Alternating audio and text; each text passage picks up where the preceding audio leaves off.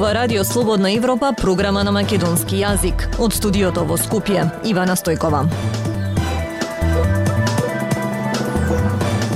Прочитувани во оваа емисија ќе слушате. Како дојде до тоа земјава да нема доволно струја? Министерството за здравство тврди дека трудниците кои не се осигурани нема да останат без здравствена заштита по укинувањето на оваа мерка. Организациите се сомневаат. Над 50% од македонците сметаат дека руската инвазија врз Украина е неоправдана. Останете со нас. Независни вести и анализи за иднината на Македонија. На Радио Слободна Европа и слободнаевропа.мк. Капацитетите за производство на струја со децении се занемарени, а не се инвестира ниту во нови. Земја во увезува една третина од струјата што ја троши, а нема ниту доволно енергенци за производство. По руската агресија врз Украина цените на струјата и природниот газ во Европа драстично се зголемени. Тема на Срѓан Стојанчов. Македонија не произведува доволно струја за да ги задоволи своите потреби, па кусокот го надополнува со увоз. Минатата година една третина од потрошената струја била увезена, со што Македонија е енергетски најзависна држава во регионот. Најголеми кусоци се прават зимно време, кога потрошувачката е многу поголема со оглед на тоа што секое трето семејство се грее на струја. Домашното производство е намалено за една четвртина во изминатата деценија, а производството во државните капацитети е речиси преполовено. Причини за намалување се тоа што се ископува помалку јаглен и со понизок квалитет, а термоцентралите се при крај со работниот век и често се расипуваат. Заради тоа мора да се увезува јаглен како и мазут и природен газ. Сите поголеми електрани во Македонија се изградени на почетокот на 80-тите години и се веќе дотраени. Македонија може да произведе доволно струја за домаќинствата, но најголем проблем во моментов има со обезбедување струја за големите фирми кои се на слободниот пазар, каде што цените се и до 10 пати повисоки од лани. Во јавноста се добива впечаток дека власта се растрча да обезбеди енергенси во 5 до 12, односно пред самиот почеток на грејната сезона. Парното во Скопје треба да се вклучи на 15 октомври, а се уште е неизвестно дали ќе има газ и по која цена. ако нема, парното ќе биде на мазут. Властите повторуваат дека струја и парно ќе има, но се уште не соопштиле од каде ќе се обезбеди.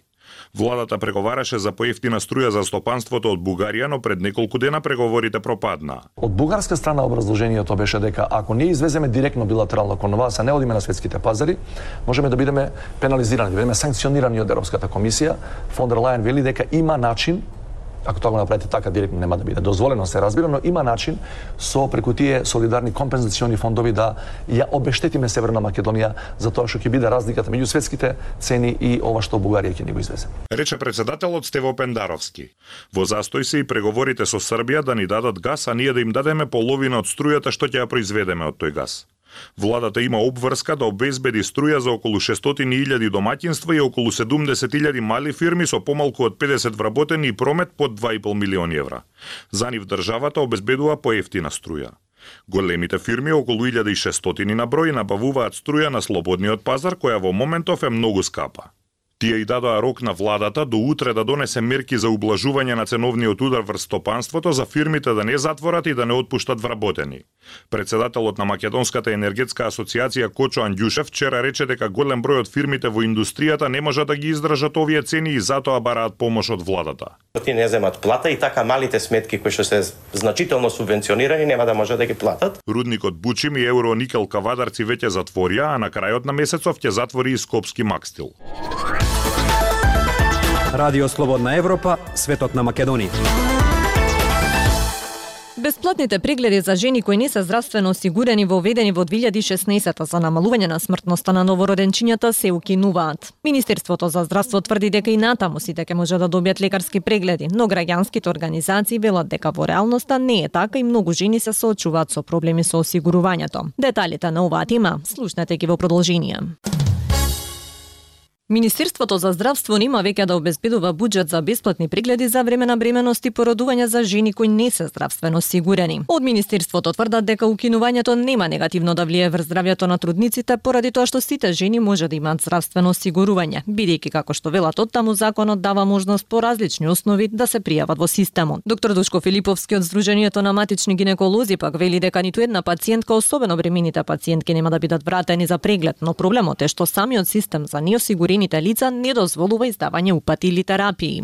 Значи, ни една пациентка, условено бремена, нема ние да ја вратиме ќе ја прегледаме. Меѓутоа, се не можам рецепта да ја напишеме, затоа што компјутерот не дава Програмот е така направен. Ирам до пациентките, било да се бремени, било не бремени, да си најдат, да си видат во законот да се консултираат, било по повработен во семејството, било по основ невработена, било по член 15. Има таму барем 5-6 основи по кои што секој граѓанин може да биде здравствено осигурен. Сдруженијето за емансипација, солидарност и еднаквост на жените пак предупредува дека иако законски сите имаат право да бидат опфатени со осигурување, реалноста не е така таква и на терен граѓаните се соочуваат со многу проблеми. Боријан Павловски, кој што е координатор на програмата за јавно здравје и здравје на жените, укажува на тоа дека честопати се случува работодавачите да не уплаќаат редовни придонеси за вработените или пак да се чека долго на административни процедури за да се добие осигурување. Затоа оваа ставка мора да остане како опција во случај да се и една жена да е годишно, да речеме и една да е дури, заслужува да добие бесплатни прегледи за време на бременост и бесплатно породување, ако не е здравствено осигурена, а не да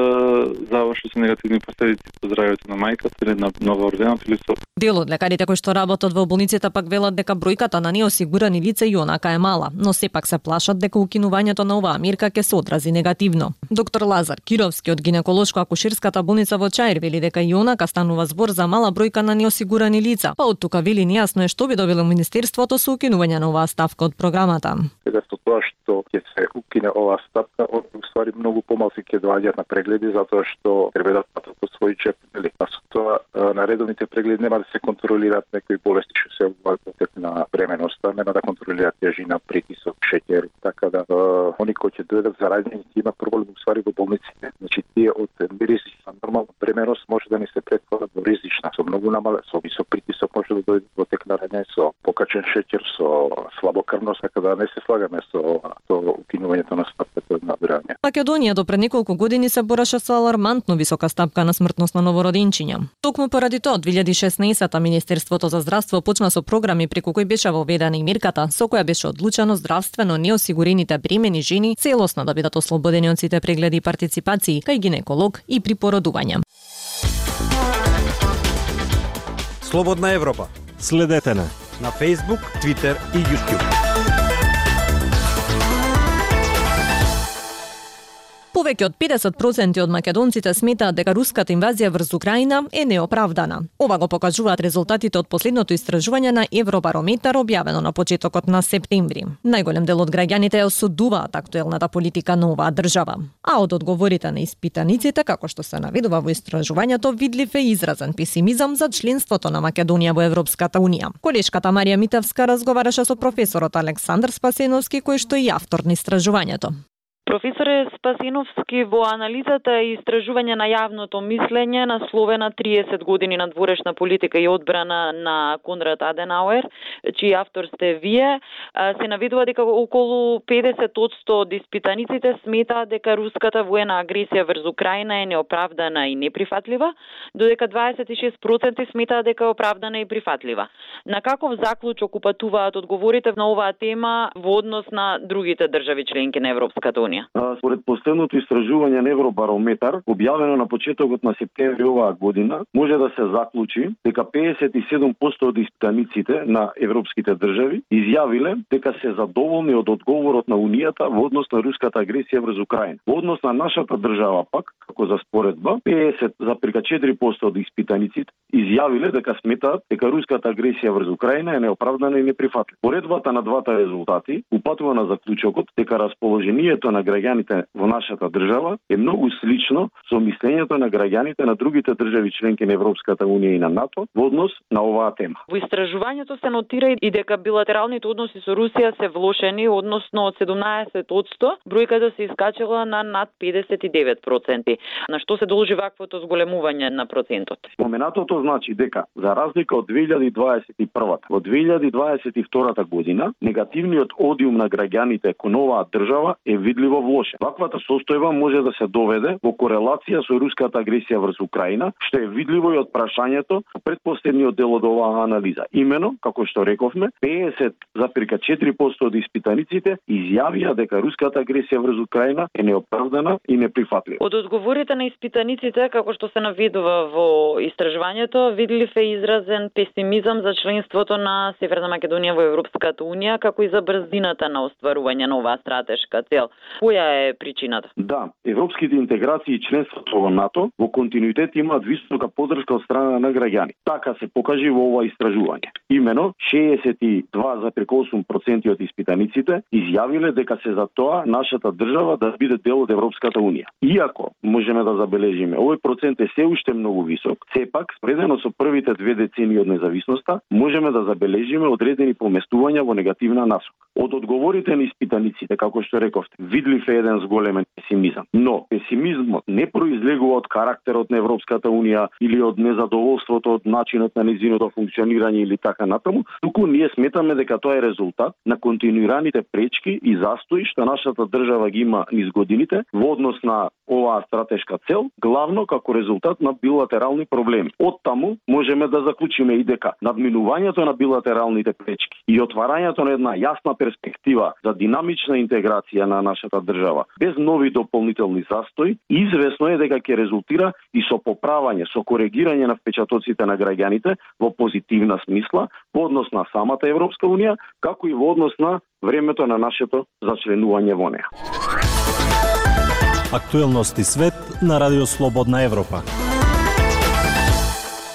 Низа лути критики за руските воени команданти веќе со недели се јавуваат на нецензурираните канали на апликацијата за пораки Телеграм. Среда неверојатната украинска контраофанзива во регионот Харкив и на други места, што резултираше со значителни руски загуби. Критиките кон руските команданти сега избиваат на површина, а тоа е проблем за Кремљ. Информира Гоце Атанасов. Веќе со недели на нецензурираните канали на апликацијата за пораки Телеграм има низ за лути критики за руските воени команданти среде неверојатната украинска контраофанзива во регионот Харкив и на други места. Со победата на украинците во Лиман, таа критика се пробива во јавност, стигнувајќи на насловните страници на некои од најголемите руски вестници. Тоа е сериозен проблем за воените сили на Русија и потенцијално за Кремљ не би предвидел државен удар. Ако го имавме, речиси ќе бевме последните кои ќе го да знаеме тоа. Овие работи се случуваат прилично брзо кога ќе се случат, вели Джеймс Никси, која предводи програмата за Русија и Евразија во Think Tank од Четам Хаус во Лондон, додавајки. Но очигледно постои зголемено незадоволство во високите руски ешалони за текот на војната, а тоа се манифестира на различни начини. Луѓето не можат да го задржат незадоволството. Според Никси, проблемот е што контролата на Путин на сите начини е премногу силна за луѓето да се мобилизираат и консолидираат и да формираат сојуз против него. Јас лично мислам дека руската елита никогаш не била толку изложена на ризик од колапс, искрено кажано, како што е сега, изјави тој за Радио Слободна Европа. Во текот на 23 години, како Путин е на власт, руските медиуми беа притиснати. По инвазијата на 24 февруари, тој подпиша закон што во многу случаи го криминализира независното известување за војната, како и критиките и несогласувањата, со тоа што го прогласи за незаконско дискредитирањето на вооружените сили. Апликацијата за пораки Телеграм сепак остана нецензурирана од руските регулатори. Резултатот е поплава од информации, критики и дискусии, вклучително и за тоа колку лошо оди војната за руските сили и проруските воени блогери целосно искористија. Дори и на главните државни ТВ канали во земјата, кои служат како примарен извор за вести за огромното мнозинство руси, тонот во последните денови стана поприсебен. Критиката исто така се совпаѓа со зголемената нервоза кај многу руси во врска со конфликтот во Украина, особено со непожелниот повик на Путин за мобилизација на стотици илјади резервисти и други за борба. Тоа доведе до масовен екзодус на руски мажи и жени кои бегаат од земјата. Наредбата за мобилизација, вели Никси, од Чатам Хаус, сугерира дека Путин е целосно изолиран од реалноста за тоа колку лошо оди руската кампања во Украина. Најмалку веројатна опција од сите е каков било вид на руско признавање на пораз или одстапка, или дури и на вистина одење на преговарачка маса – Тоа во моментов го нема во картите. За Кремљ е попожелна долготрена војна отколку кратка војна во која нема можност да се продаде победа, вели тој. Тоа беше се во вестите на Радио Слободна Европа од студиото во Скопје со вас беа Ивана Стојкова и Дејан Балаловски. До слушање.